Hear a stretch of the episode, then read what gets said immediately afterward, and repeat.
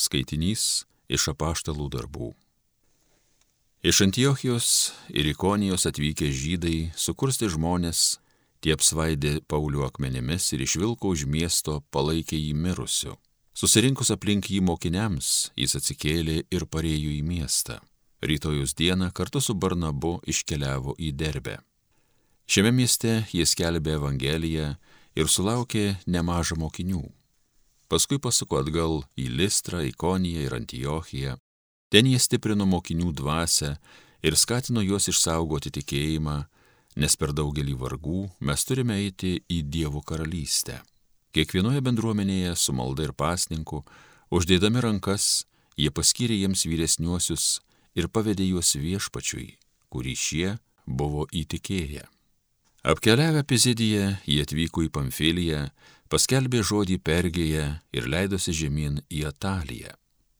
Iš čia išplaukė į Antiochiją, kur buvo buvę pavesti Dievo maloniai, kad nuveiktų darbą, kurį dabar pabaigė. Sugrįžę jie sušaukė bendruomenę ir apsakė, kokius didžius darbus nuveikęs Dievas per juos ir kaip atvėręs pagonims tikėjimo vartus. Ir jie išbuvo su mokiniais netrumpą laiką. Tai Dievo žodis.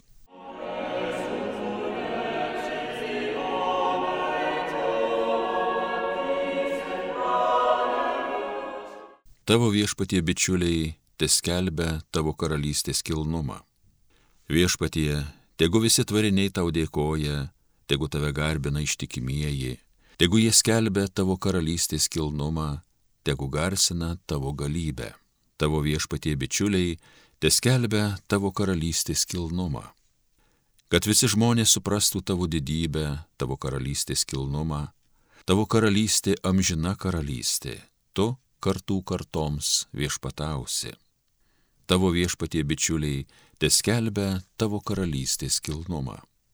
Lai mano burna šlovina viešpatį, visa kas gyva lai garbina šventąjį jo vardą, dabar ir per amžius tavo viešpatie bičiuliai teskelbia tavo karalystės kilnumą.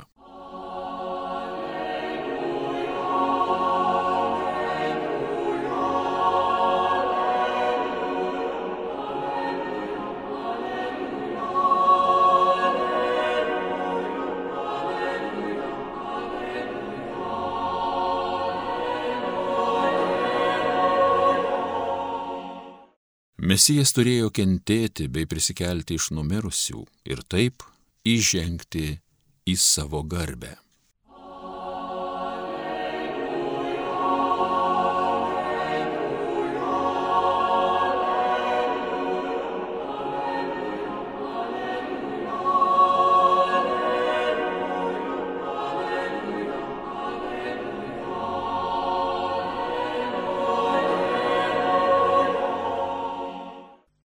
Evangelija pagal Joną. Jėzus kalbėjo savo mokiniams. Aš jums palieku ramybę, duodu jums savo ramybę. Ne taip aš ją duodu, kaip duoda pasaulis. Te nebūkštauja jūsų širdis ir te neliūdė. Jūs girdėjo, kad aš pasakiau, aš iškeliauju ir vėl grįšiu pas jūs. Jei mylėtumėte mane, džiaugtumėtės, kad aš keliauju pas tėvą, nes tėvas už mane aukštesnis. Ir dabar prieš įvykstant, jums pasakiau, kad tikėtumėte, kada tai bus įvykę. Jau nebedaug su jumis kalbėsiu, nes ateina šio pasaulio kunigaikštis, nors jis neturi man galios, bet pasaulis privalo pažinti, jog aš myliu tėvą ir taip darau, kaip jis yra man įsakęs.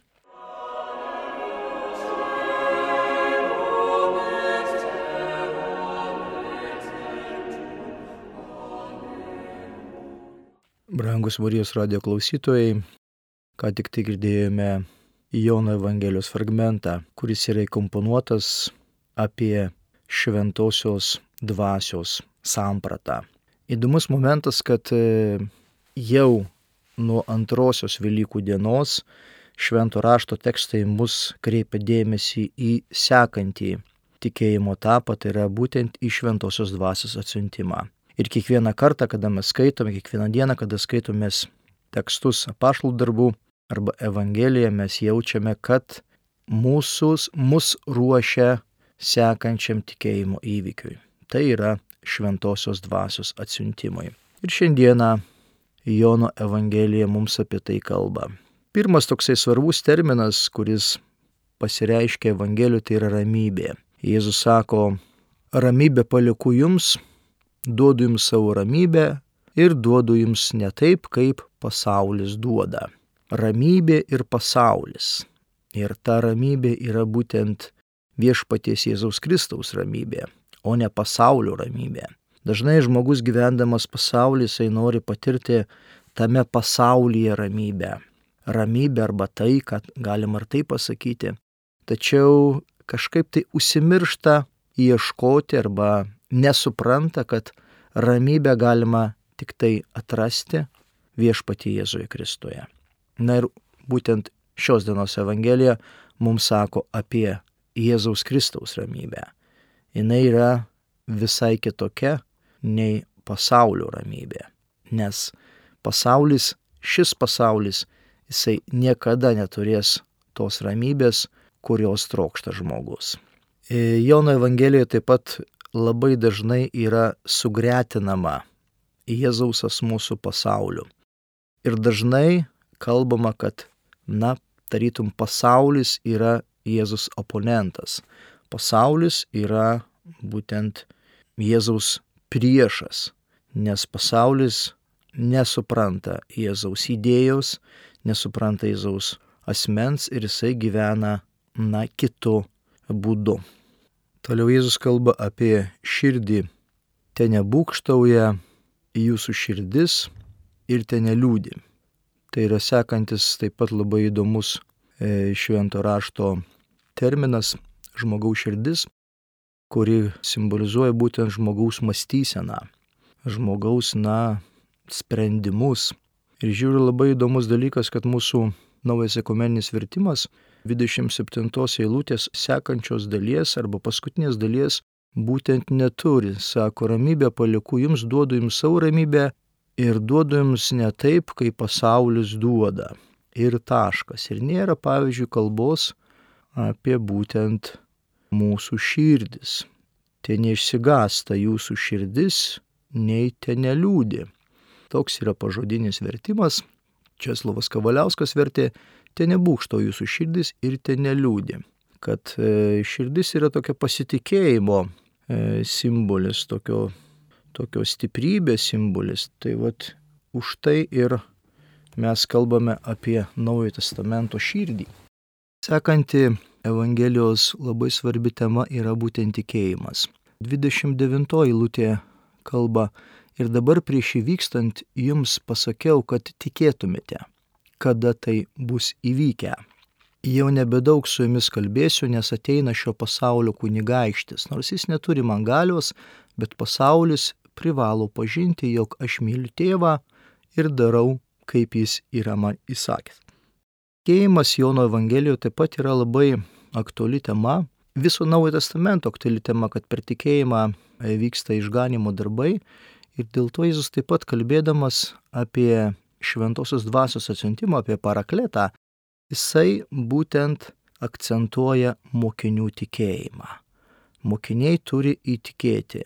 Ir dabar tariau jums, anksčiau nei įvykstant, įdant kada įvyks tikėtumėte. Tai va tik, tikėti Jėzus Kristus asmenį, tikėti į Dievo tėvo asmenį ir aišku tikėti į šventosios dvasios asmenį, būtent kuris ateina, na, ir atsiųstas į žemę būtent į apaštalų būrį. Ir čia kalba būtent apie šio pasaulio paskui kunigaikštį, kuris, na, mes puikiai žinome, kad tai yra būtent e, piktoji dvasia arba šetonas, nes kunigaikštis arba valdovas, graikiškai archon. Jau nebedaug kalbėsiu su jumis, ateinu juk šio pasaulio valdovas arba kunigaikštis, kuris iš tikrųjų neturi jam galios, nors jis neturi man galios. Bet vis dėlto Evangelija sako, kad to pasaulio viešpatavimas bus įtakotas būtent to pasaulio kunigaikščio ir pasaulio dvasios. Tai štai Jono Evangelija mums taip aiškiai labai parodo santyki ir prieš priešą galima sakyti, prieš priešą Jėzus pasaulis ir Jėzus ir šio pasaulio kunigaikštis. Ir tada mokiniams yra rimtas apsisprendimas, kam tarnauti. Ar šiam pasaulio, šio pasaulio kunigaikščiui, ar tarnauti viešpačiu Jėzui. Bet tai ne tik tai mokinių apsisprendimas, tai yra mūsų visų apsisprendimas, ką mes turime tarnauti arba me, ką mes norėtume tarnauti. Ar mes norėtume šiam pasauliui tarnauti, ar mes norėtume tarnauti būtent viešpačiu Jėzui Kristui, kuris veda bažnyčią, maitina bažnyčią, stiprina tą bažnyčią ir aišku atsiunčia šventai dvasę. Dabar visa bažnyčia po Velykinėme laikotarpėje laukia sekančio to tikėjimo momento, šventosios dvasios atsiuntimo, kuomet bažnyčia išpildo tą išganimo istoriją.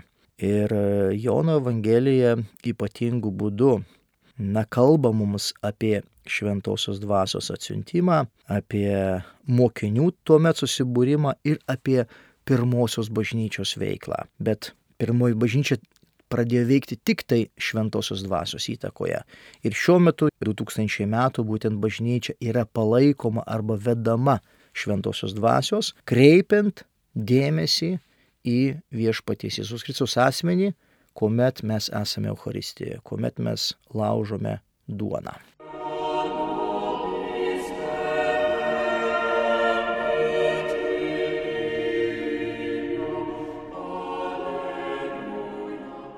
Homilija sakė kunigas Linas Šipavičius.